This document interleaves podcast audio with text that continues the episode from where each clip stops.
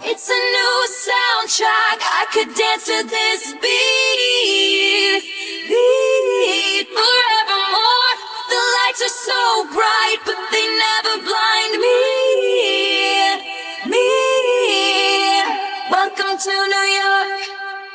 It's been waiting for you. Welcome to New York. Welcome to New York.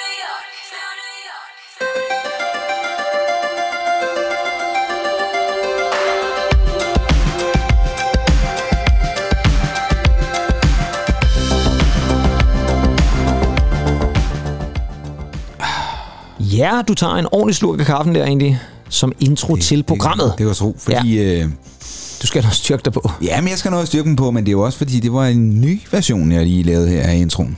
Ja, og det er jo faktisk lidt nye versioner, vi skal snakke om i Ja, dag. det var sådan en god overgang, Ja, det synes jeg. Jeg kan godt se på dig, at du var meget stolt af den der lille overgang der, ja. Men jeg greb den egentlig, og det gjorde Du jeg jo, gjorde det. fordi at vi skal snakke om et album, som udkom i fredags. Ja. Yeah. Og øh, det er jo et album, som jo sjovt nok har været ude før. Det har faktisk været ude i ni år. Og så kan man sige, hvorfor udkommer det så igen i en ny version? Mm. Jamen, øh, det kan vi så komme tilbage til, for det er i virkeligheden en rigtig interessant historie.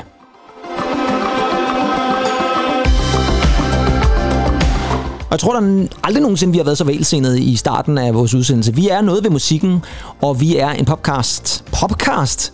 Det var Ja, nyt. det er- Podcast. Ja, en podcast, podcast med kærlighed til popmusik. Ja. Og mit navn er Kim Pedersen. Og mit navn, det er Andy Tennant. Yes, og i dag skal det jo altså handle om Taylor Swift. Ja. Ikke mindst, fordi, det og det var også derfor, jeg troede faktisk i første omgang, det er det, du mente med, at du skulle have noget styrke der på, fordi hun er jo om nogen en, man skal have masser af styrke til at overgå, fordi hun overgår samtlige rekorder inden for nærmest alle genrer og brancher lige i øjeblikket. Altså, det er vanvittigt. Man plejer jo at sige det der med, at en kunstner har en periode i sit kunstnerliv, hvor man ligesom ikke kan gøre noget forkert. Mm. Man kalder det typisk den der imperial phase. Mm. I virkeligheden opfundet af Neil Tennant, det udtryk. Og det er altså en, en periode, hvor at en kunstner ikke vil kunne gøre noget forkert. De vil gå højt på hitlisterne med alle sangene, de vil sælge masser af billetter, alle ting, de gør, er rigtige. Men det er typisk ikke en periode, der var så længe. Den var om typisk måske et år, to år, tre år. Og der siger man jo faktisk, at Taylor Swifts Imperial Phase, det var i 2014 og måske frem til 15, altså i forlængelse af 1989. Det var måske hendes første, for jeg vil da nok våge at påstå, at øh, hun er i gang med anden periode også nu. Fordi Jamen, det, det, det, helt det er jo grotesk jo Det altså. er helt vildt, ja. Men fuld, fuldstændig vanvittigt. Jeg, jeg, jeg, jeg, også noget, der, der rører mig meget, det er jo hendes øh, pengepunkt. Ja, Jeg ved ikke, om den rører mig, men, men Nå. altså, nej, det, det var at sige, det er, at hun er jo god for 1,1 milliard. Ja, hun er nu blevet øh, billionaire, som det hedder i, i USA. Ja. Ja. Ja. ja, det er rigtigt. Ja, det er vanvittigt. Eller er det, ja, er det 1 milliard dollar? Ja, det må det være. Ja, det må det være. Ja, hun er, fordi hun, der var overskrifterne var, at she has become a billionaire. Ja. Og det var- blev hun så. Men, men, men ja, udelukkende, Pedersen, på musik og performance. Ja, lige præcis. Det er jo ikke ejendomsinvesteringer, det her. Nej, nej, nej. Hun har ikke øh, investeret i cryptocurrency eller sådan Hun har noget. ikke været nede ved ham der, øh, Nikolaj Nikolajsen, eller hvad han hedder. Nikolaj Nikolajsen. Nej, ham der... Øh, Jeg håber, du har sagt Kent Nikolajsen. Nej, nej, nej, nej, ham der med, med, med krypto halløj der. Nå, ham der, ja. ja, ja ham, nej, nej. Hvad fanden? Niklas Nikolajsen. Niklas Nikolajsen, ja. ja. Ja. Nej, øh, nej, det er rigtigt, og hun har heller ikke været ude sådan at købe øh, Beatles-kartoteket, og så er det Nej, det, hun tjener nej, pengene på. nej. Det skal vi jo også vende tilbage til, for det er jo det, der er grunden til, at 1989 er udkommet igen. Men lad os lige starte med starten, fordi vi har jo først snakket om Taylor Swift. Ja. Vi har faktisk snakket om hende en hel del gange, men det er jo fordi, vi er så fascineret af det, hun gør og det, hun kan. Men vi havde ligesom valgt lidt at tage fokus på det her album 1989, mm. for det første fordi det måske er det album, som er mest populært af hendes albums. Det er det, der er blevet mest rost. Det er nok også det, vi bedst kan lide. Altså, jeg skal med det samme allerede Ja, lægge kortene på bordet. Jamen, det er et godt album. Men lad mig starte med at lægge mine kort på bordet. Så kan du lægge dine kort på Ja, bordet ja, bagefter, ja. og se om du, du kan lave sådan en isgate der. Ja, Men, ja. øh, men, men jeg lægger mine kort på bordet og siger, at jeg har egentlig aldrig rigtig lyttet særlig meget til Taylor Swift. Forstået på den måde, at det er ikke sådan en kunstner, hvor jeg har sat et album på, og så lyttet derud af. Det er sådan en kunstner, jeg har lyttet rigtig meget til via radioen. Der er mange flere sange af Taylor Swift, man kender, end man lige regner med, fordi hun typisk er en, der er blevet spillet med radioen, og så har man måske ikke rigtig vidst, at det var Taylor Swift, eller lagt mærke til det, og alligevel kender man sangen. Øhm, Så mit forhold til hende er, at jeg synes, hun er sindssygt dygtig, laver glimrende popsange, men jeg har aldrig rigtig dyrket hende sådan som kunstner på den måde. Jeg tager bold til ret. Ja, så dine øh. kort øh, bliver lagt op på samme måde simpelthen. Ja, det gør de faktisk. Ja, men du har alligevel et lidt andet forhold til, fordi du snakker også meget om 1989, og har også lyttet til folklore og Jamen, alle de der ting. Og jamen, det det er jo Mere sjovt. end jeg har, tror Ja, jeg. ja. Øh, jeg, jeg vil sige, mit forhold til Taylor Swift, det startede nok øh, tilbage i 2000 og er var ikke 6. Øh, Og det er alligevel tidligt så også, Nej, ikke? det var, det var ikke det første album der. Nej, Det var det, det var det, der hedder Taylor Swift. Det er Fearless albumet. Ja, Ja. ja. det hvor You Belong To Me er på. Yes, yes. Ba, ba, da, ba, Det kommer i da, ba. Ja, Ja, lige præcis. lige præcis, ja. Og det tror jeg også, jeg brugte i, i musiktimerne. Det er muligvis også den første gang, jeg har lyttet til hende, fordi det var nok nogle elever eller, eller andet, der Ja. har faldet over hende, Ja, og så er har de spillet noget musik. Og prøv at se, det- 2008. Ja. Ja, jamen, det er Der jo var det. jo, øh, det er 15 år Der siden, var ikke? vi, de, vi er jo unge. Der var vi meget unge her lige Meget præcis. unge Ja, ja, Peter. mere unge. Og, og hun, er, hun, er, hun er her stadig. Ja, ja, ja, men altså, og hun er stadigvæk lige så vedrørende, og hun Jamen, er det jo nærmest større øh, end nogensinde. Så vil jeg sige, øh, 1989-albumet, det, det lyttede jeg faktisk en del til, men, men det har faktisk også været i kraft af Ryan Adams, Åh ja. som jo lavede Uha, en ja. øh, komplet coverversion Ja. af, af albumet. Ja, og det er sjovt, fordi det, det får mig igen til at tænke på, at vi skal på et eller andet tidspunkt have lavet et afsnit, som handler noget om det der med musikere, der kommer ud i diverse stormvejr. Nå ja. Fordi der må man da nok også sige, hun, han er godt nok øh, røget lidt over i, øh, i den farlige afgrund. Ja, ja, ja. Noget med nogle grooming af nogle unge mennesker, jeg ved ikke hvad. Nå, for helvede. Ja, ja. Men, men, men musik, det kan en del dybe. Jo, jo, og det er jo det, der ligger i det, det der, kan man adskille kunstneren fra musikken, og det tror ja. jeg, vi, det er i virkeligheden et spændende Ja, afsnit, ja, men det er det- slet ikke det, vi skal det- snakke nej. om. Men det er jo lidt sjovt, at det så er din indgangsvinkel. Folklore også selvfølgelig, men det var, Ja. ja. og så Disney Plus dokumentaren, der er Ja. ja. mellem øh, ham fra National og... Jo, men jeg synes også, det, det. det. er interessant lige præcis med det her, fordi 1989 er jo mm. karakteriseret ved, at det nok er Taylor Swifts første rigtig rendyrkede popalbum. Ja, det er meget det første, synd- syndet. Meget syndet, men også det der med, at det bliver det første album, hun laver, som er et popalbum. Ja. Der er ikke elementer af country på det her nej, album. nej, lige præcis. At du så bruger det som, altså Ryan Adams, som jo er meget mere akustisk funderet, at det er hans indgangsvinkel til det. Det er jo egentlig lidt skægt. Jamen det er jo også fordi, jeg synes faktisk egentlig, at, at hun er ret god til at have de der lidt country-agtige oh, melodier. enig. Og så pakket ind i noget øh, synth. Og, og man kan sige, Ryan Adams har jo altid haft den der amerikaner-stil. Ja, han, det må han har jo aldrig... Ændret sig. Nej, det har han, det har han ikke rigtig. Egentlig ikke rigtigt. Nej, Ikke jeg, rigtigt. jeg holder meget af hans musik. Ja. Og jeg vil sige, især hans, øh, hans cover der af Welcome to New York, det Ja. lyder faktisk også rigtig meget Ryan Adams, faktisk. Jo, og jeg, Og det er fordi, der er stadig i Taylor Swift den her country-feeling, øh, men pakket ind på, øh, på ny, ikke? Og det- ny, ny og- gavepapir. Ja, 100%, og du har fuldstændig ret. Jeg synes nemlig også, at man kan høre på flere numre på 1989, at det stadigvæk er et nummer, som også ville have fungeret som sådan et country-akustisk version et eller andet sted. Det er det, vi tit snakker om. Kan det fungere ved et lejrebål? ja, Kan eller, det fungere ved et shelter ude ved Trygge Vellå? ja.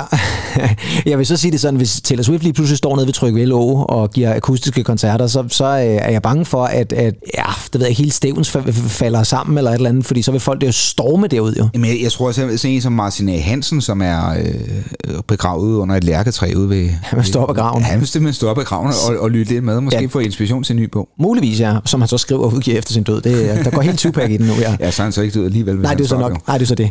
Men, øh, men okay, det er mærkeligt. Men det er også det er lige ved Halloween eller Ja, et eller andet, ja, så, ja. så kan vi Det godt tillade os det. må godt være lidt makabert. Men jeg synes egentlig, vi skal lige starte med starten, fordi lad os lige hurtigt mm. lave en, en, en kort lille opdatering på Taylor Swift, i hvert fald fra hendes karrierestart og så frem til 1989, som er det, vi lægger fokus på i det her program. Fordi vi kunne i virkeligheden lave en meget, meget, meget, meget, meget lang special ja. På flere timer med Taylor Swift, men det, gør vi altså ikke. Nej. Det gør vi ikke, nej. Nej. Vi fokuserer på det her album, Yes. fordi det kan noget. Godt, det kan de andre også, men det her, det kan noget ekstra, synes vi.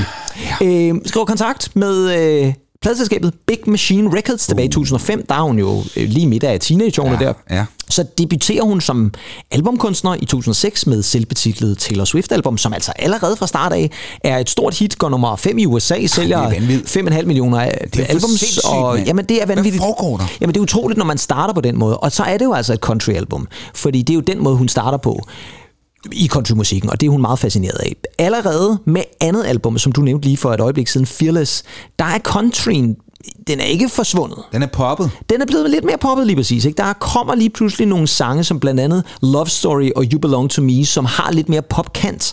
Og øh, det udkommer i 2008 og har kæmpe store hits.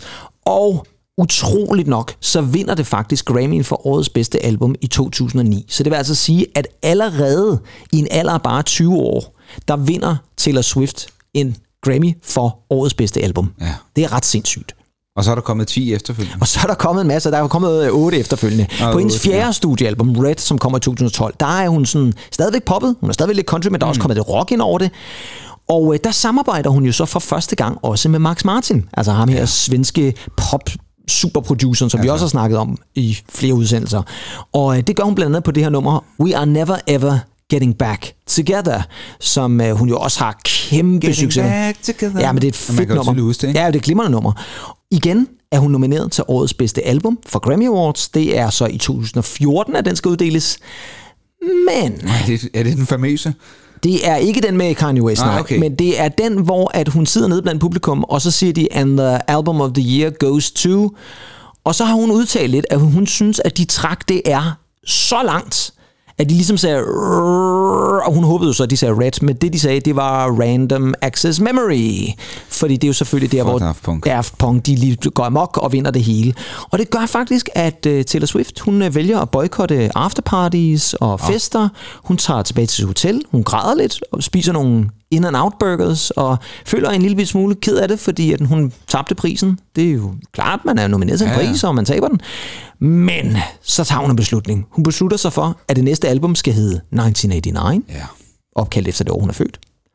Og at det skal være et totalt popalbum. Ja. Og så er stilen ligesom lagt, fordi så er vi klar til 1989, som altså udkommer den 27. oktober 2014. Det er lige over ni år siden.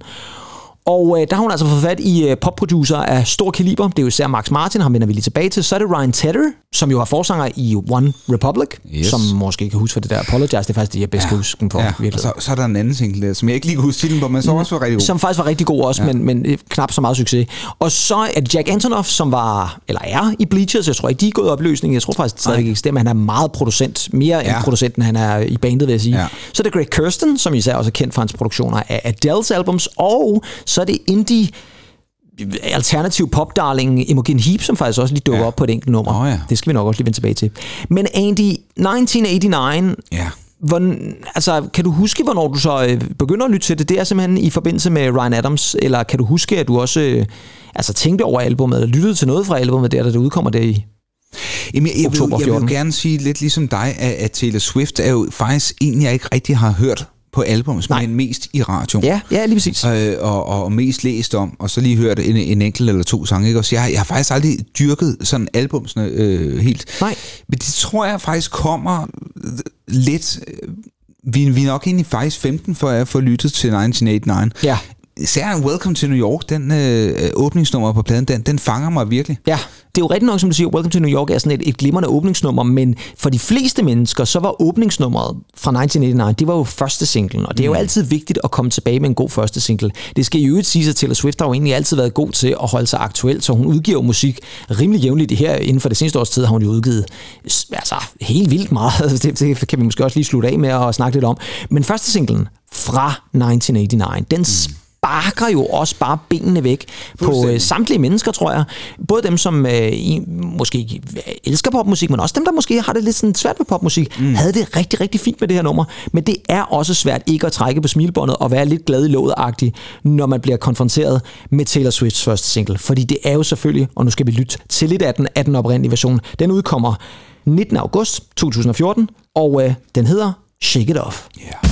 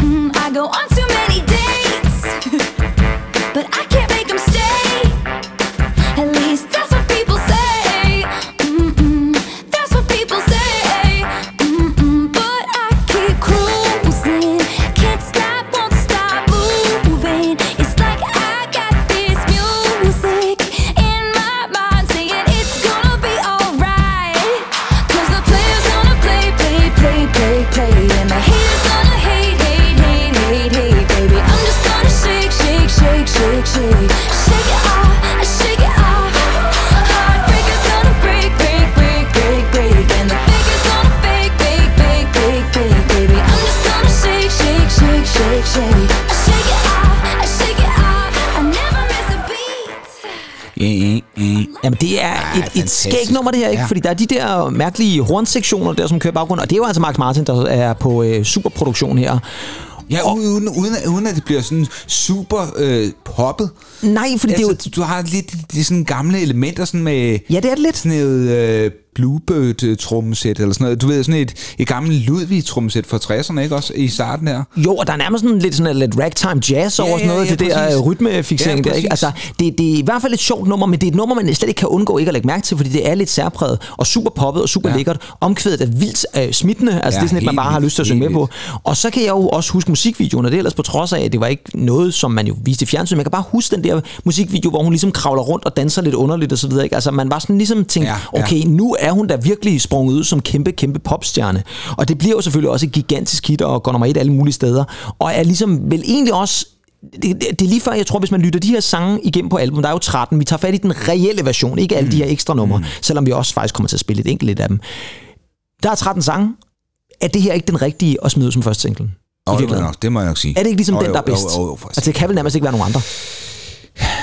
Jamen, altså, nogle gange så har vi snakket om det der i gamle dage i hvert fald, når man, når man hører sporten eller sådan noget på P3, og så Ja, lige ja. starter op efter. Det er jo, det er jo genialt Ja, det er det. at spille i radioen. Jamen, det er det virkelig. Lige efter et eller andet indslag. Altså, Fuldstændig, ja.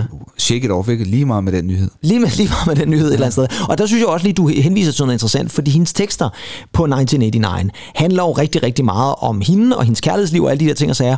Og jeg vil faktisk sige det sådan, det var måske det, man kendte Taylor Swift mest for dengang. Det var alle de her meget korte forhold, hun havde til alle mulige øh, mere eller mindre kendte celebre mænd. Ja. Det var sådan noget Jake Gyllenhaal, og det var Harry ja, Styles, det- og det var også ham Harry der, Styles, ja. Joe, ja, Joe Jonas. Øh, Harry Styles er faktisk, det er det her album, der åbenbart handler meget om ham. Og øh, det var lidt skægt, for det var altid kort varighed, Ja, de her ja. ja. forhold havde. Og det er også det, hun siger, det der, I go on too many dates. Ja. Øh, altså, og Ja. hun dumper dem med det samme alligevel. Så hun fik meget kritik for det der med, at sige, ah, er hun alligevel bare sådan en, øh, som bare lige lokker dem i fælden, ikke? og så kan de ikke du til mere. Men hun bliver dømt meget på det, og det er jo det, hun tager fat i her og siger, jamen det er jeg egentlig ligeglad med, hvad folk siger. Jeg skal bare have lov til at danse grimt og, og, og, og passe på mig selv osv. Ikke? Det er jo også en af de grunde til, at jeg tror, at hun er faktisk er så stor, fordi at så mange, og det lyder som en større kliché, så mange kan relatere til det, ikke? Jo, jo. Men der er der i hvert fald et, altså havde melodierne og øh, voka- vokalen og produktionen helt af helvede, så selvfølgelig ikke. Men, men bare, at man kan relatere til de her universelle øh, emner, hun bringer op, ikke? Jo, jo, og det er jo, altså, det er jo ikke fordi, at det er sådan øh, super øh, intellektuelle tekster, vi er ude i her. Det er egentlig rimelig jordnære, og Ja. ja. som du selv siger, noget, som vi alle sammen kan genkende til. Altså måske ikke i forhold til store stjerner som Jake Gyllenhaal og, og øh, Harry Styles, men, men det der med, at... Det er at, fordi massen er jordnær. Ja, og så er vi tilbage til Peter Skrøder igen og Company. ja, det er frygteligt, at han skal masserne, citere masserne måske virkelig Ja. mere. Men det er, rigtigt, det er jo det der med at finde et eller andet til det brede publikum, og det Ja. gør hun altså rigtig, rigtig Ja. fint. Og øh, det skal jo siges, at albummet som sådan, fordi det kan vi jo også godt snakke lidt om, det er jo øh, mange forskellige producer, det er mange forskellige sangskrivere, der er med indover, men det alle sangene har til fælles, det er, at alle sangene er vokalen produceret af Max Martin. Han har altså simpelthen ja. produceret vokalen på alle tracks. Ja. Det er ikke alle tracks, han har produceret, men selve vokalen er indspillet af ham og produceret af ham. Og det kan man godt fornemme lidt. Ja. Jeg synes, det virker som om, når man lytter albummet igennem sådan fra track 1 til track 13, så kan man godt få en fornemmelse af, at det lyder meget enslydende. Altså sangene lyder jo ikke ens på den måde, Nej. men der er alligevel en eller anden samhørighed i forhold til den måde, hun synger på, den mm. måde, vokalen er produceret mm. på, som jeg faktisk synes er ret interessant. Som jeg måske så... Øh, øh, øh, nu har jeg kun lyttet til den nye udgave, Taylors version af 1989, en enkelt gang, fordi den er jo trods alt lige blevet udgivet. Og der er Max Martin jo ikke ind over som producer, faktisk. Han har ikke været involveret i den, og heller ikke som vokalproducer. Og det synes jeg måske godt, man kan høre. Selvfølgelig er hendes vokal også blevet lidt ældre, den er blevet lidt dybere, Ja. fået lidt mere nuance, og det er egentlig klæder hende egentlig meget godt. Men det er lidt som om, at på det her album, 1989, den oprindelige udgave, der kan man bare høre det spiller Ja. ja. fra track 1 til track 13, også i produktionen. Og det, og det tror jeg er meget Max Martins fortjeneste. Jo, ja, så er det jo også en, en vidunderlig øh, ingeniør og en, en, en mixer, der har været på. Ikke? Jamen helt sikkert, altså det er de, de store kræfter, det er de tunge kræfter, ja. der er kommet frem. Og øh, der er jo altså som sagt 13 numre på det her album egentlig. Hvis du nu skal, nu sagde du selv Welcome to New York, som er åbningsnummeret. Er der andre numre, hvor du sådan tænker, det der det er numre, som virkelig øh, du vil anbefale til folk, hvis man ligesom skal ind i albummet? Hvad vil du så sige, man skal Jeg starte med? synes også øh, faktisk Blank Space. Ja,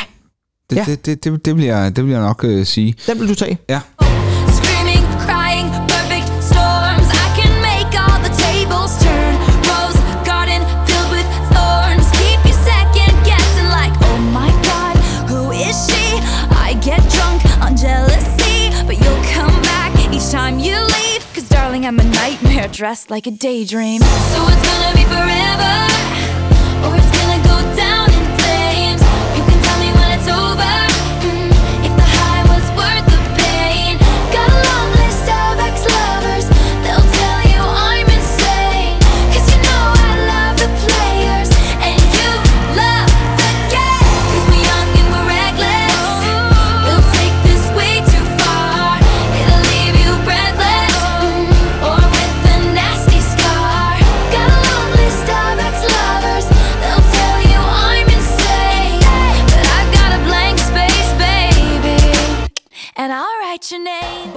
Det er også et af de numre, som jo typisk bliver nævnt som en af hendes aller, allerbedste numre, og blev jo ja. også et rigtig, rigtig stort hit fra det her album. Og den blev jo selvfølgelig også udsendt som single. Den var anden singlen, så ja. man kan sige, det er jo altså også hurtigt. Det er faktisk, jeg tror faktisk, den udkom nogenlunde samtidig med albummet, sådan, fordi det, Ja. det var sådan noget lignende i hvert fald. Og det gjorde også, at det var ligesom den... Shake It Off havde jo ligesom været ude nogle måneder, og det her var ligesom det nye populære nummer, der blev spillet rigtig meget i radioen. Ja. Så det kan jeg godt følge dig. Jeg vil også sige det sådan, at et nummer, som virkelig greb mig med det samme, det er det nummer, der hedder Style.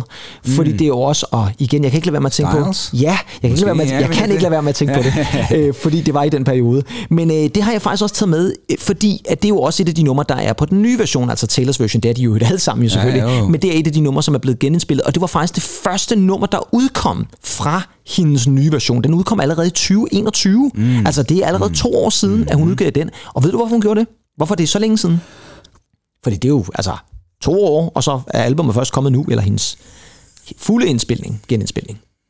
Øhm, TikTok egentlig. TikTok, ja. Den trendede på TikTok.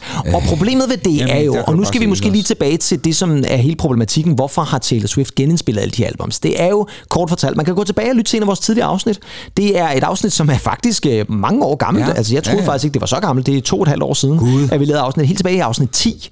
Så man skal helt tilbage ej, til april ja. 2021, hvor vi snakkede om det. Men det er jo altså fordi, at den her pladekontrakt, som Taylor Swift skriver med sit oprindelige pladeselskab. Den Mm. har 13 års varighed. Da den udløber, så har hun indspillet seks albums, og hun øh, skilles fra sit pladeselskab. Hun signer med et nyt pladeselskab, som er Republic Records, og de har så udsendt hendes album siden ja, 2018-19 stykker.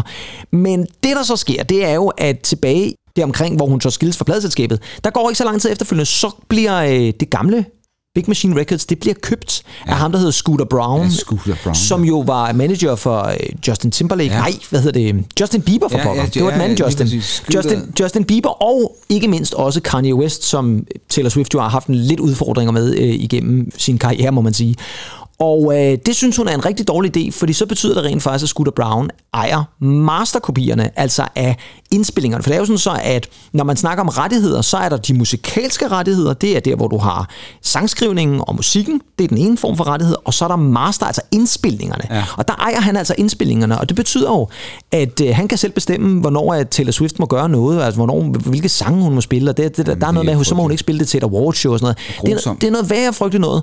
Og øh, det gør så, at Taylor Swift øh, bliver sådan lidt, øh, lidt sur på ham på den måde. Han gør så ydermere det, at han faktisk sælger de her masterkopier videre til sådan en eller anden øh, inve- investeringsfond eller et eller andet. Og øh, det er jo ellers på trods af, at Taylor Swift har sagt, at jeg vil gerne selv købe dem. Jeg vil gerne selv eje de her. Og der er Scooter Brown sådan lidt, nej, nej, nej, jeg sælger dem herover i stedet for. Og så øh, tager hun altså den ultimative konsekvens. Og øh, jeg kan altså heller ikke huske, at der er en kunstner, som så præcist går ind og genindspiller sine gamle albums. Altså, hun er jo fire albums inde lige nu. Hun mangler faktisk kun to. Så har hun dem alle sammen igennem. Ja, ja. Og nu skal vi tilbage til det, som jeg egentlig startede med at skulle spille for jer, fordi jeg vil gerne spille Style. Fordi den har jeg så både i den gamle version Ja. og i den nye Taylors version. Og så kan man jo prøve at høre, om man kan spotte forskellene. Det her, det er altså den oprindelige version, som er øh, tilbage fra 2014, Yes. og som altså blev udsendt på 1989 oprindeligt. Og øh, jamen, i virkeligheden bare et super, super godt popnummer.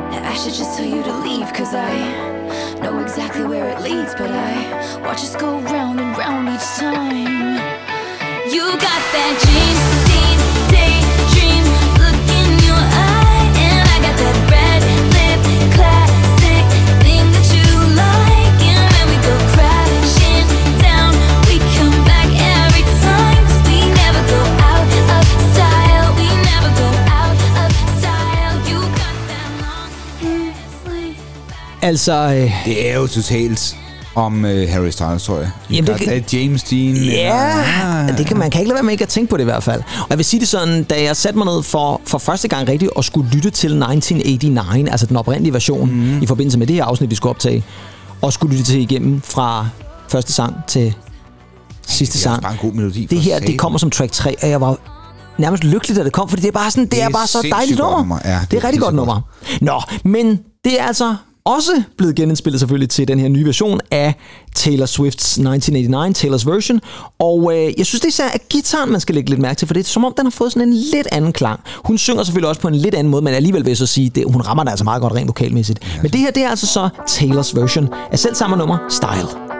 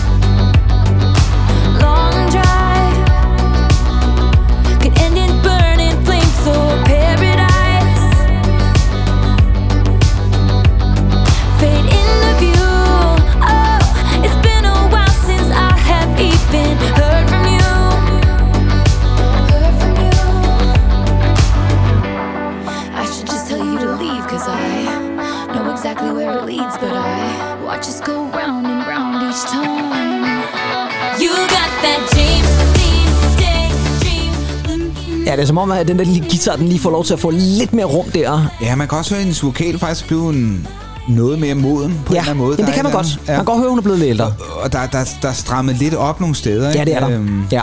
Altså, Oprindeligt så var nummeret jo produceret og medskrevet også af Max Martin.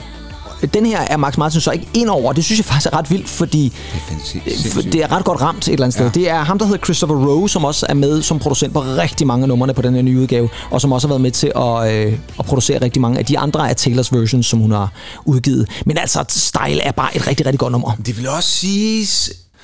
Jeg sidder og tænker på... De har jo ikke masterbånd. Det vil sige, de har jo ikke stems. De har Nej, ingenting. De nej. har kun faktisk lyden at gå efter. Alt skal optages på bunden.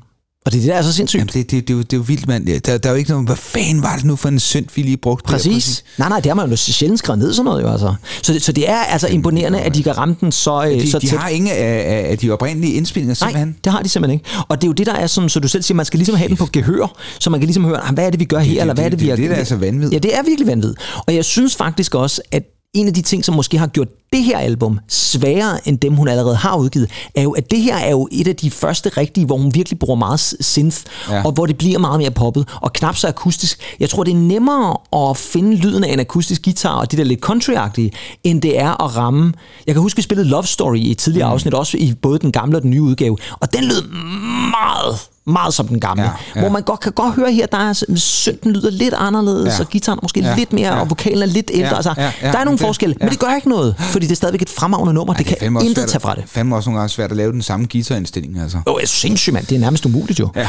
Øh, men øh, altså, som sagt, 1989, oprindeligt jo et øh, album, som hun jo fik ideen til på det her hotelværelse, og øh, så ville hun rigtig gerne have, at det skulle være et fuldt popalbum, inspireret, måske også 1989, af 80'erne. Det er jo det, der gør, at rigtig mange har sagt, at det, er, det er et rigtig 80'er synth-pop-album. Det er jeg bare ikke enig i. Der er sange på albummet, som jeg synes peger i den retning. der er ikke noget, der lyder 80'er. Nej, det synes jeg altså. Jo, der er et par enkelte numre, det kan vi lige vende tilbage til. Men, mm. men, men jeg synes ikke som Nej, overordnet nej, nej. set, at det er sådan en 80'er pastiche i hvert fald. Nej, nej, det synes jeg heller ikke. Det kan jeg altså ikke se- rigtig se. Jeg kan godt se, at man kan fornemme, hun har jo sagt, at hun er inspireret af sådan en som Annie Lennox for eksempel. Det er nok Eurythmics mere end det er Annie Lennox solo, fordi hun jo først rigtig går solo i 90'erne. Og så er det faktisk Peter Gabriel, Og det synes jeg er interessant. Nu snakkede vi om Peter Gabriel her i sidste uge, og jeg synes på nogle numre, der kan jeg godt fornemme lidt med trommer og produktion, jo. at der er sådan lidt storladethed. Og jeg vil faktisk spille et nummer, ja. som jeg faktisk synes har lidt Peter Gabrielsk over trommerne i hvert fald. Og det er det nummer, der hedder Out of the Woods, og det skulle efter sine ja, også være skrevet ja, ja, ja. om det, Harry Styles. Jeg synes godt nok, det lyder som... Altså, der var, der var jeg der var mine ører altså på overarbejde. Ja, og det er meget som den gamle version. Ja. Altså, det er virkelig, der er det svært at høre forskel. Det er som om, den har fået måske lidt mere, jo, ja. den, den, lidt mere kraft måske på, især ja. trommerne. Men det er nummer altså efter sine skrevet om øh, en rejse, som, øh, ja, Harry Styles en vinterferie, tror jeg faktisk, de havde været på, Nå, hvor de åbenbart er ved at køre galt på en uh, snowmobil eller et eller andet. Nå. Og så er det derfor, at det hele er omhandlet. De kommer lidt ud af skoven her. Men uh, her er i hvert fald nummeret, og det er altså Taylors version, så det, her, det er altså den nye version. Men det er altså der, hvor jeg godt måske kan fornemme en lille bitte smule Peter Gabriel-inspiration.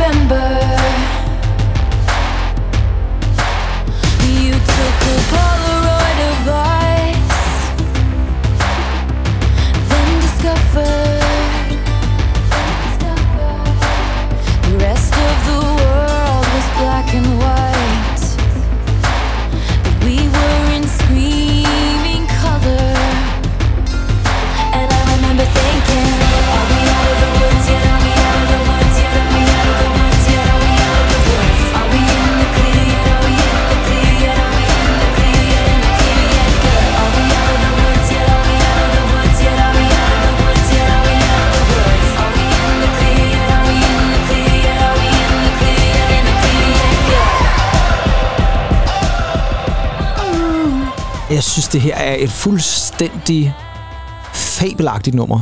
Og det var faktisk det var, og det var et af de numre, må jeg ærligt indrømme. Jeg ved godt, det var en single. Det var faktisk en single for albumet. Men det var faktisk et af de numre, som jeg nærmest ikke kendte. Jeg tror, den, måske har jeg hørt den enkelte gang før, men det var i hvert fald ikke et nummer, som sagde mig noget. Så da jeg lyttede til den her første gang, da jeg lyttede albumet, det var oprindelige album igennem, mm. der tænkte jeg, wow, det ramte mig lige med det samme. Og der mm. kunne jeg godt fornemme i forhold til trommerne, det der sådan et som ja, også var ja. Peter Gabriels signatur, i hvert fald i starten af 80'erne, ja, ja, ja. Øh, med de gated drums, og Hugh Patcham kom ind over osv., og Phil Collins faktisk spillede på rigtig meget af det. Ja. det, det jeg synes, det her det er et jo, pragtfuldt nummer. Jo, jeg vil gerne lige besvare øh, det, du kaster op. En læserspørgsmål. Vi har fået en læserspørgsmål ja, her. Ja, ja, ja. ja. Mønster, ja, ja, måske. Ja, ja. ja. besvar du bare et spørgsmål, ven. Jamen, i, i, hvert fald det her med, øh, med, at der er noget, der lyder som 80'erne og så videre. Jamen, jeg synes, for at man rigtig skal lyde som noget fra 80'erne, så synes jeg, man skal have været præsent i 80'erne. Og det var hun også, hun er født i 89, jo. Jo, jo. Han laver musik ja. i 80'erne. Jo, på den måde. Ja, det kan jeg godt følge øhm, Fordi, altså, nu hørte vi jo om de sidste uge, ikke? Altså, ja. når, når de udsender noget, ja, det så lyder det 80'er. Ja, det må man sige, det gjorde. Men så, så lyder det sgu også som, som nogen, der har oplevet 80'erne, ikke? Også, jo, det altså, det der med, at jeg synes, det kan godt være, at man tager nogle referencer, sådan noget, men jeg synes altid, det lyder friskt. Jeg synes altid, det lyder 80'er. Nej, det er rigtigt. Det kan jeg godt følge dig i. Ja. Og jeg vil også sige, at det er også derfor, jeg måske har lidt den der anke med at kalde det sådan en rigtig 80'er synth pop album, for ja. det synes jeg ikke, det er. Nej, men jeg kan, godt, måde. jeg kan godt se... Det er Erasure. Ja, ja, ja, og, og Depeche Mode og alle de ja, der ting. Jamen, det er rigtigt, men, men jeg kan godt se referencerne, og jeg kan også godt se, hvad jo, idéerne jo, er, men jo. jeg synes, de står øh, faktisk mere, altså det var faktisk sjovt, jeg læste en anmeldelse for et par dage siden, hvor de skrev, at når man lyttede til den nye version, altså Taylors version af 1989, så kom det mere til at lyde som lyden af tierne. Og det er jeg faktisk, det er jeg faktisk ja, enig i. Jo, det her er faktisk ja, lidt lyden ja, af den her ja, periode, jo. sådan midt tierne et eller andet sted. Ikke? Det synes jeg faktisk, det er. 100 og det, og det er ikke en, en kritik. Tværtimod, altså det er sådan god popmusik lød øh, der i, i midt-tierne. Det ja. synes jeg faktisk, det er. Ja. Jeg synes også, det var noget af det bedste, der kom ud. Tierne, jeg, jeg ved sgu ikke rigtigt. Jeg ved godt, du har nogle anker der, og så alligevel øh, fremlede du om dig med Patricio Ngoli, da vi kørte den periode igennem der. Ej, det, var, det var ikke alt, der var... Nej, det var det måske. Men, men, det var måske heller ikke lyden af tierne. Nej, det, det var det. Så frem til. Nej, det var det måske nok ikke. Men uh, Andy Tennant, der er jo altså som sagt udkommet rigtig mange singler fra 1999. Det gjorde der dengang, og nu kommer der jo så nærmest nogle nye, fordi det hun jo faktisk gjorde dengang, det var, hun jo både udsendte en almindelig 1989, og så udsendte hun faktisk også en deluxe version. Ja. Og der var nogle ekstra uh, numre på. Ja. ja, der skal lige være sådan en lidt kredse lidt for fans. man får en duft med. Sådan så får man en duft med, eller lavendel, eller oh, ja, ja, ja, det kan jeg huske, jeg bruger mange penge for, det skal vi ikke ind i. Men, øh, men øh, man får nogle ekstra tracks i hvert fald. Og den nye version, der har hun jo så også fundet tracks frem From the Vault, som hun kalder den. Ja, altså ja, der, hvor hun ligesom mand. har fundet sange, som øh, egentlig var lavet til 1999, men aldrig kom med på pladen, og dem har hun så genspillet nu, og så er de altså med på den nye udgave, så det gør også, at den nye udgave er ret lang. Men jeg vil faktisk øh, lige spille et nummer, fordi nu, jeg sagde jo, at vi kommer kun til at spille nummer fra den rigtige udgave, og det passer ikke, fordi nu kommer der rent faktisk et nummer, som kun var med på Deluxe-versionen. Og det er et nummer, nu snakker vi om det der med, om hun lyder som 80'erne. Det er faktisk et nummer, som hedder New Romantics, som jo Ja. ja. helt klart må være en 80'er-reference, Ja, ja, fordi til- der til har vi jo der har vi nye romantic genre, altså det, øh, hvad hedder de, Duran Duran og Spandau Ballet ja. og sådan nogle ting. Det, der er lidt specielt ved det her nummer, som var på deluxe-udgaven, det er, at for det første, ja, så blev det også udsendt som single. Det var faktisk, jeg tror, det var sådan noget syvende singlen fra det her album, mm. fordi det var fuldstændig sindssygt, man skulle have så mange singler ude. Men det var vist øh, ude som single også. Og så blev det faktisk rangeret som en af de bedste Taylor Swift-sange nogensinde. Altså det er sådan en, som fansene elsker. Mm. Kritikerne er helt på røven over det. Og øh, jeg læste en uh, top 200 og nogen af 50 eller et eller andet, hvor der var en eller anden Rolling Stones journalist, som havde lyttet alt igennem med Taylor Swift, rangeret alle numrene. Den her, den var nummer to. Hold altså op. det andet bedste Taylor Swift-nummer nogensinde. Og øh, så kan vi snakke om det der med 80'er-referencerne igen, for jeg kan godt se, hvor vi er på vej hen. Nej, det her det lyder ikke som 80'erne på den måde. Mm-hmm. Og alligevel får man måske lige en snært af det. Men jeg vil faktisk give dem ret. Det her det er et virkelig godt Taylor Swift-nummer, som jeg i hvert fald ikke havde hørt før. Og som jeg faktisk først har hørt her inden for de seneste par dage, fordi igen, jeg holdt mig til den rigtige version, den oprindelige version, de 13 numre. Og den her var jo ikke blandt de 13, men så blev jeg alligevel en lille bitte smule fristet, fordi jeg skulle høre, hvordan det andet bedste nummer af Taylor Swift nogensinde har lavet, hvordan det lyder. Og øh, hvis I ikke kender det, så finder I også ud af, hvordan det lyder. Det lyder nemlig sådan her. We're all bored. We're all so tired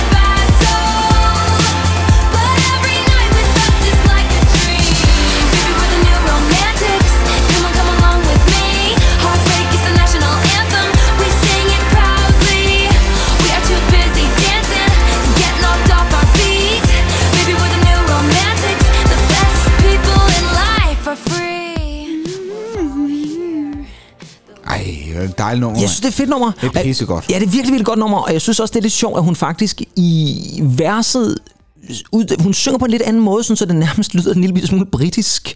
Hun gør Ja. tæerne meget britiske i hvert Ja, fald, ja, synes jeg. ja, ja. Og det tænker jeg også er lidt bevidst, fordi New Romantics-bølgen nu faktisk startede over i det engelske. Så jeg kunne godt forestille mig, at det er sådan lidt en hyldest. Men igen, lidt ligesom vi snakker om før, det er jo ikke et nummer, altså man er jo ikke i tvivl om, at det her nummer, det blev jo ikke lavet i 80'erne. Det kan vi godt meget hurtigt høre, det ikke er. Og alligevel kan man godt fornemme lidt, at der er nogle i, i, i måske lagene under, som er lidt synsede. Ja, ja, jeg vil sige, jo, jo. Jamen, altså, men, men melodimæssigt vil jeg sige, vi, vi er Ja, i ja. det rette årti. 100 procent. Også lidt beslægtet, synes jeg, med noget Lana Del Rey. Et eller andet Ja. sted. Hvad for nogen siger National Anthem? Ja, ja, ja, ja, ja, ja jamen, det er også, fordi hun har lavet et nummer, der hedder det jo så. Ja. ja. Nej, nej, men, men, men der var et eller andet sådan i, Jo, men det- ja. I, i, i melodien på en eller anden måde. Jo, og det vil jeg også sige, det, nu, nu tager du fat i den, og den synes jeg egentlig også, vi skal tage fat i. Fordi når man lytter til 1999, så sidder jeg også flere gange og tænker, ah, det her det lyder sådan lidt Pink-agtigt, eller mm. det her det lyder sådan lidt Katy Perry-agtigt. Og der er også et par numre, hvor man tænker, det her kunne godt være lidt Lana Del Rey-agtigt. Og det er jo også, fordi det var lyden der i midt-tierne. Der lød de jo lidt, og det var måske, og det er igen, det er ikke ment som en kritik, men det gjorde faktisk også lidt, at når jeg lyttede til radio der i midt-tierne, så var det ikke altid, jeg helt var klar over, hvem det var, jeg lyttede til. Var det her Taylor Swift, eller var det her Katy Perry? Ja, jeg, ved godt, de, jeg ved godt, de ikke lyder som hinanden rent sangstemsmæssigt, men det kunne godt glide lidt over i en. Og det er altså som sagt nogle ikke måder, ja. på en måde lidt. Men jeg vil jo så sige det sådan, Taylor Swift og der må jeg allerede om, der kommer jeg lidt til kort i forhold til Katy Perry, men hun er jo ind over sangskrivning på alle sine egne numre. Ja. Altså hun er, hun, hun er jo selv, hun står selv bag sangskrivning. Så hun spiller jo også selv på rigtig mange af numrene, altså akustisk guitar Ja, og nogle jo, ting og sager. Altså det er jo ikke sådan, at hun bare er sådan en, der får det leveret. Og det er jo også en af grundene til, at vi ikke tog en med i det der diva-afsnit, fordi divaerne er jo typisk nogen, der faktisk får leveret sangene Ja. fra andre. Ja. Altså, Men, men, Tina man- Turner for eksempel. Ja, ikke? Altså, hun men- skrev jo aldrig sin egen sang. Og ikke sagt, at deres IQ er, er. Overhovedet ikke. Men man siger jo faktisk, at, at Taylor Swift er en af de... She's so smart. Altså, det er sådan noget, hun har en IQ, nogen mener 160, men jeg tror, det blev mod til 140 i hvert fald. Ja, men er det, også en det er jo fremragende. Ja, det er og, og, mere end... Jo, og man kan sige, det er jo så bare ikonen et eller andet sted. Den ja. kan vi jo ikke bruge til noget. Hendes musikalske intelligens men- er jo meget bedre jo. Altså, Jamen, da, hun det- er dygtig til at skrive Det sange. er musisk intelligens, der Musisk er intelligens. meget, meget veludviklet. Og altså, når man tænker på, at hun startede der, da hun er 15 med at skrive countryalbum, som er sælger vanvittig. 5,5 millioner, så Jo. må, må man kunne et eller andet. Hun er jo en, en pige fra Nashville med ben i næsen. Det må man sige. Og med, med gitaren på rette sted, ikke? Ja. Og så vil jeg jo sige det sådan, du nævnte jo lige Lana Del Rey. Ja. Og øh, hun er jo også en, der har en meget karakteristisk sangstemme. Mm. De samarbejdede jo, de to, på nummeret Snow on the Beach. Jeg tror faktisk også, vi spillede det i en tidligere udsendelse. Men øh, jeg synes jo faktisk, at muligvis mit yndlingsnummer på 1989, mm. det er jo faktisk et af de mere afdæmpede numre. Ja. Og det er bare fordi, jeg synes, det er så godt skrevet, og det er så smukt. Og så er der også noget synthet i det, som jeg meget godt kan lide, selvom det ikke er 80'er-agtigt nødvendigvis. Og det er altså også et nummer, som jeg godt ville have kunne forestille mig Lana Del Rey synge. Det er det nummer, der hedder Wildest Dreams, og nu Ja. snakker vi Tina Turner lige før, hun har også lavet Wildest Dreams, men det her, det er altså Taylors Wildest Dreams. Det er et fuldstændig vidunderligt og skønt nummer. Og øh, jeg synes faktisk, på den nye version, hun har lavet, Taylors version, der lyder, de er meget svære at skille fra hinanden, men det er ikke blevet dårligere, lad os sige det sådan. Så det har jeg faktisk tænkt mig at spille, for det, det er øh, et nummer, som jeg næsten får en lille tår i øjenkrogen af at lytte til. Mm. Og det er altså bare, øh, ja, det er skønt, skønt pop, når det er allerbedst. I said no one has to know what we do. His hands are in my hair, his clothes are in my room, and his voice is a familiar sound. Nothing lasts forever, but this is getting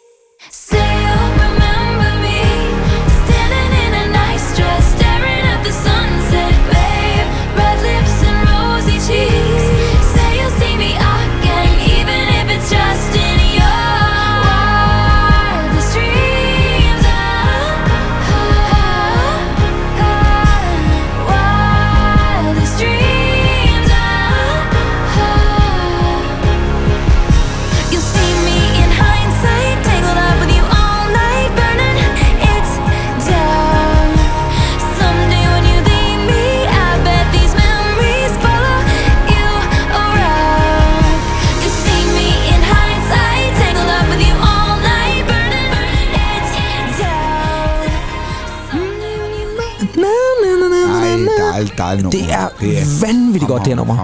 Virkelig godt nummer. Og endnu en af de numre, som jeg, igen, en single, men ikke et nummer, jeg havde et forhold til, før jeg begyndte at lytte til albumet her.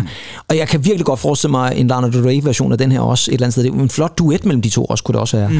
Men øh, det er bare for at sige, at man får lidt referencerne til forskellige kunstnere, men det er altså stadigvæk Taylor Swifts eget. Altså, det, hun, hun er fandme imponerende, det er man simpelthen nødt til at sige. Og øh, hvis vi så skal kigge lidt på, fordi nu kan man sige, nu har albumet jo været ude et lille stykke tid her. Øh, det har været ude her en weekend, og øh, altså, det rigtige album har været ude meget lang tid, vil jeg sige. Det har været ude i ni år. Men den nye version har jo så været ude siden i fredags. Og Spotify har allerede været ude og lave opslag om det. Ja. Fordi, nu skal du høre en gang egentlig. Spotify skrev allerede i Det går. ikke. Jamen, de skrev i går. De skrev Ja. i går. She's done it again. Og så er der lige et hjerte. Mm. On October 27th, det var altså i fredags, Taylor Swift became the most streamed artist rigtigt. in a single day in Spotify's history. Altså, den mest streamede kunstner på en dag nogensinde i Spotifys historie. Den tog hun lige den rekord. And Det er vanvittigt. 1989, Taylor's version became Spotify's most streamed album in a single day in 2023 so far. Hold op. Altså, hun Jamen, er det- det er for vildt. sindssyg. Det er vildt. Hun er for vanvittig. Og øhm, Men det er jo også, der er, der er jo noget spænding ved det her. ja, det er der altså. Altså, man synes jo, det er, det er så vildt det her med, med at hun laver øh, eksakte versioner for at Det er fedt. Og jeg synes, det er sådan et for, for rettigheden tilbage. kæmpe stor det- ja, fuckfinger ja, til, til ja. ham der Scooter Brown, og, og, og, og bare for at sige, jeg skal selv, ja, ja. Gud, Gud, King Joffrey der, der, der er på overarbejde. Men, men jeg vil sige, det, det er bare så fedt. Jeg synes, det er så fedt, og respekt på alle mulige måder. Men det er jo heller ikke kun i musikkens verden, at hun gør så godt. Eller det vil sige, det er jo også musikken, men hun har jo for nylig lavet en film. Eras Tour. Ja, det er rigtigt, ja. valgte hun jo at lave som en filmversion, altså ja. hvor den blev simpelthen vist i biograferne. Ja. Og den har så været ude i en, hvad, tre uger eller sådan noget, tror jeg det er siden, at den fik premiere. Hvorfor har I ikke set den? Jamen, jeg, den har vist været vist i øh, danske biografer også, men det er nok ikke sådan en, de har sat bredt op, tror jeg, i, øh, i alle biografer. Jeg tror Den ikke, den kører, ud, den kører ikke ud i Stevens Bio, tror jeg egentlig. Nej, ude i Snortoppen. må, ja, måske. Ja, det kan da godt være, at de skulle, man skulle gå ned og høre, om de ikke kunne få den til byen. Men det, der ligger i det, det er, at den i USA, Ja. i indspillende stund, ja. har indspillet 150 millioner dollars. 150, det er altså en blockbuster, de det her. hende. Det er den mest indspillede musikfilm, koncertfilm nogensinde. Det er for sindssygt. Så hun kan altså på rigtig mange parametre, den her kære Taylor Swift. Der er, ja, nu er det jo ikke, fordi vi er en podcast, som godt kan lide at kritisere folk. For det kan vi ikke lide, og det Nej. er svært at finde øh, noget at kritisere Taylor Swift for. Men nu vender jeg lige tilbage til den der artikel, som Rolling Stones har lavet med de 250 bedste Taylor Swift-sang. Fordi den dårligste sang, mm. ifølge ham her, mm-hmm. gutten der sad det, den er faktisk også fra 1989. Ja, okay. Og det er det nummer, der hedder Bad Blood. Kan du huske det nummer? Uh, ja, det kan jeg faktisk godt huske. Jeg synes ikke, det er et dårligt nummer. Nej, det synes jeg nemlig heller ikke. Jeg er også lidt tænkt på, hvad er det, den har får altså noget hate for? Ja. Fordi jeg, jeg kan godt se, det er et lidt en anderledes nummer, men jeg synes ikke, den fortjener alt det hate. Det, som Taylor Swift så gjorde, da hun skulle udsende den som single, for ja, den udkom så også som single, det så var... bruger hun sin IQ. Så bruger hun sin IQ, og ja. øh, så bruger man øh, sin IQ til at ringe til en god ven, og den gode ven, han hedder Kendrick Lamar, Ja. og han lagde lige et rap ind over det, hvilket faktisk gør, at det her nummer kommer til at blive nærmest et slags Kendrick Lamar-nummer, featuring Taylor Swift. Det er den anden vej rundt. Ja, ja, ja. Det er Taylor Swift featuring Kendrick Lamar. Ja. Men han fylder ret meget det her Ja. nummer, og det synes jeg ikke gør noget. Men det er ret nok, det er et lidt andet type nummer, fordi det er sådan nærmest helt over i hiphop-verdenen. Men den har jeg selvfølgelig også taget et sample med. Hey. Cause baby, now we got bad blood. You know it used to be mad love. So take a look what you've done. Cause baby, now we I can't take it back. Look where I'm at. We was OG like DOC, remember that. My TOC was quite OD, ID my facts. Now POV of you and me, similar Iraq. I don't hate you, but I hate to critique, overrate you. These beats of a dark cart use bass lines to replace you. Take time and erase you. Love don't hear no more, no, I don't fear no more. But yet respect ain't quite sincere no more. Ah, ah, ah. Oh, it's so sad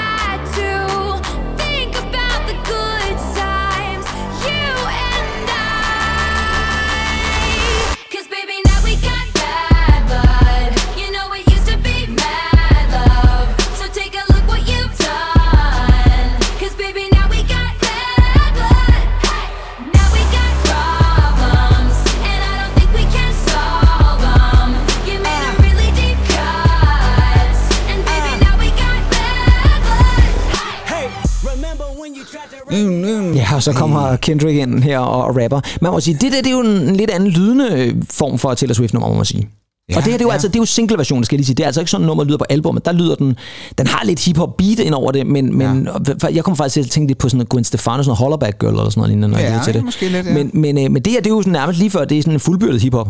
I- Ja, jeg synes, det er meget sjovt. Kendricks uh, rap her, det minder meget om, om, om uh, How to Kill a Butterfly. Hvad fanden er det nu, det hedder, det der album? Ja, ja, to, to, pimp, to pimp a butterfly Ja, på- der. på- ja, ja. How to dismantle a butterfly, ja.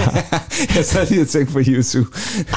Han var den her pimp, pimp, øh, pimp på, pimp til kejsergræs. Nej, pimp, pimp a butterfly. Nej, jeg kan ikke huske, hvad den hedder. Nej, den hedder noget med pimp og noget med butterfly. Undskyld til vores lytter, der vi, ikke lige, vi har ikke lige været helt asurførte på Kendrick Lamar-viden her. Nej. Det er ellers en kunst, vi også holder meget af. Ja, utroligt. Ja, men øh, I ved, hvad det er for et album, ja. Vi snakker om, håber jeg. Fald. klassiske album, ja. Et klassisk album. Og Det det, er som det. Jamen, det har du ret i. Og det er jo også fra den tid. Ja. Altså, det, ja, ja. jeg tror, det udkom øh, et år eller to før. Ja, var det sådan, ja? Ja, sådan noget lignende. Så man kan godt fornemme lidt, at det, at det er lidt lyden af den periode.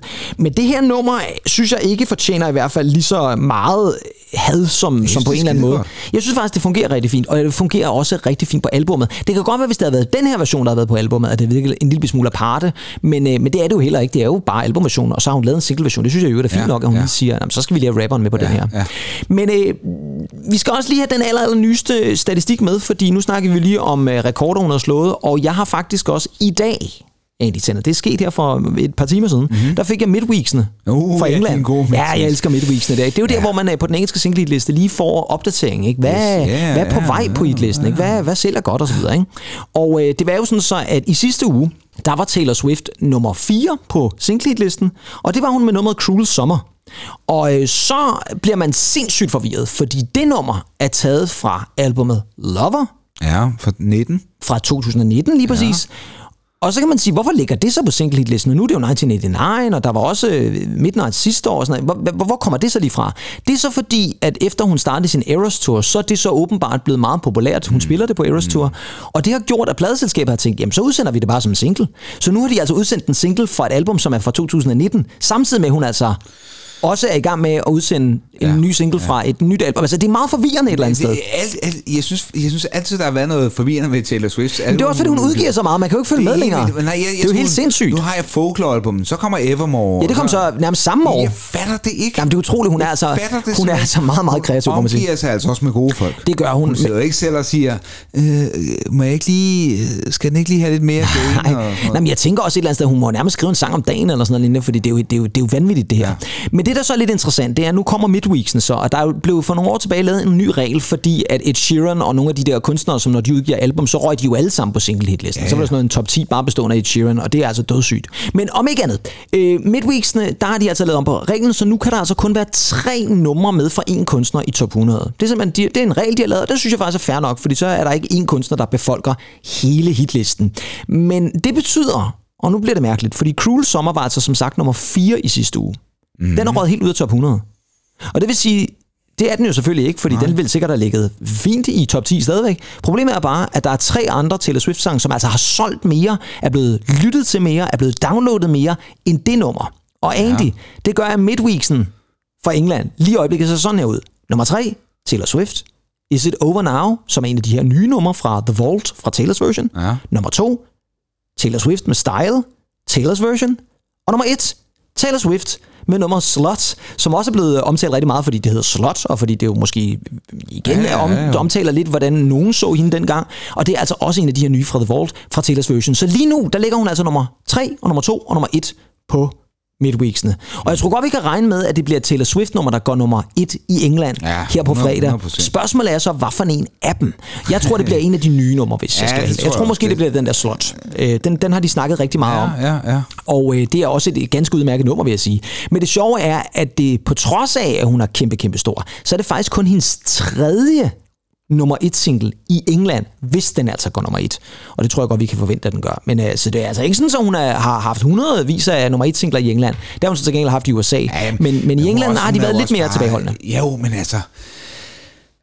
Jamen altså, ja, hvad, hvad fanden kan jeg sige, men hvis man skulle have en maskot Ja. på USA, så skulle det være, så skulle det være Taylor Swift. Det, er som om, hun er så altomfavnende. Jo, og hun er også alt elsket. Altså, ja. Hun er jo sådan en, som der er nogen, der snakkede om, at hun ville, hun, hun ville kunne få både republikaner og demokrater Jamen, til at stemme på hende jo, til, til et præsidentvalg. Hun er, hvad, hvad Holbæks borgmester er her i- Danmark, ikke?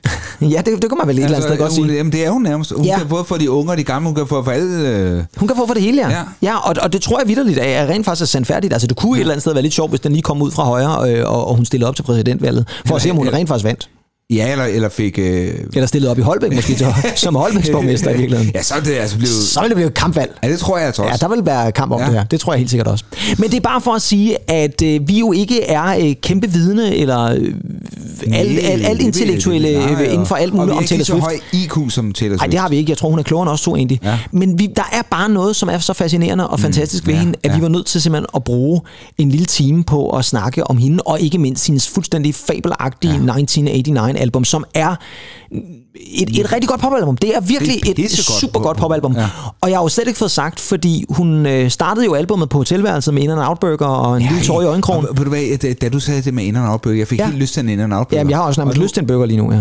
Og nu trækker du en... Nej, der er ikke en Jeg trækker ikke en op af jeg, tasken. Jeg Nej, det gør jeg altså en ikke. In and Out Burger i Ja, men det, det er jo en Ja. klasse. Det bliver også nævnt som en af verdens bedste burger, tror jeg. Det er skide godt. Men det, det jo altså kulminerer med, det er jo, at Taylor Swift i 2016, fordi det er jo det der med, at Grammy-priserne skal ligesom være inden for en, en vis uh, række, og der når hun altså ikke at få det med i 2015 Grammy Awards, så det bliver til 2016. Ja.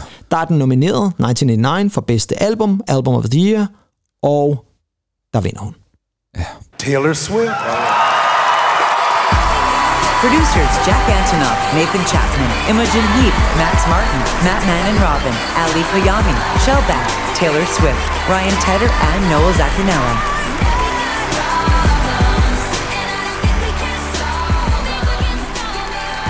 And as the first woman to win Album of the Year at the Grammys twice, I want to say to all the young women out there there are going to be people along the way who will try to undercut your success or take credit for your accomplishments or your fame.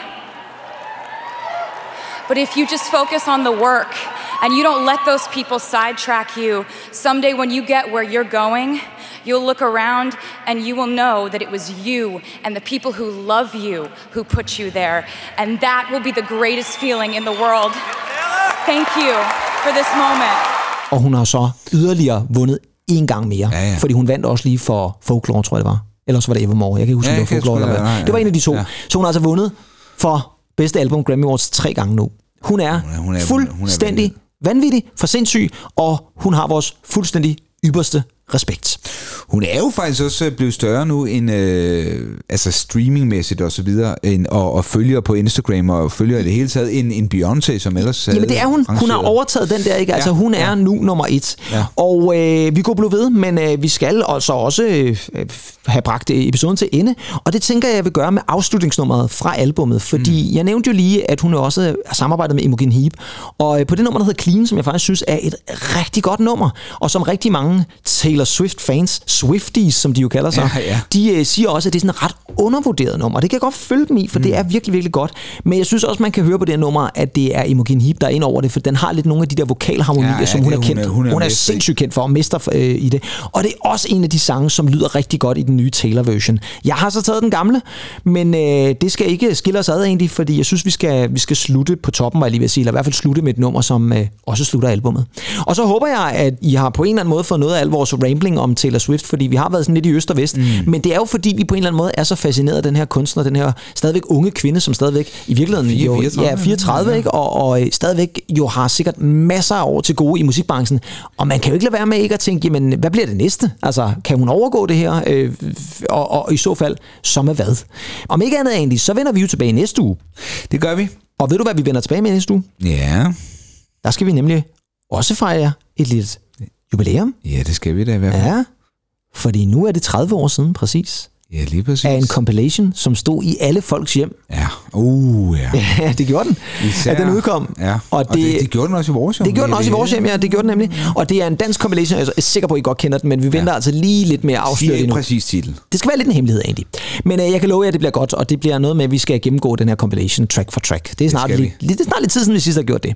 Faktisk lang tid Det er faktisk var ret lang tid. Movie hits. Uh, ah, vi er Okay, altså hvor har du været de sidste rolig. to år? Ja, Rolig sovet nu. den her.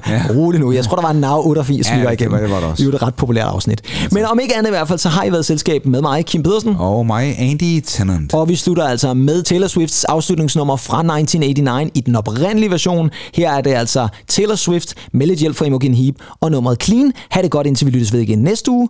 Hej hej. Bye bye. The drought was was the very worst. Ah, ah. When the flowers that we'd grown together died of thirst. Ah.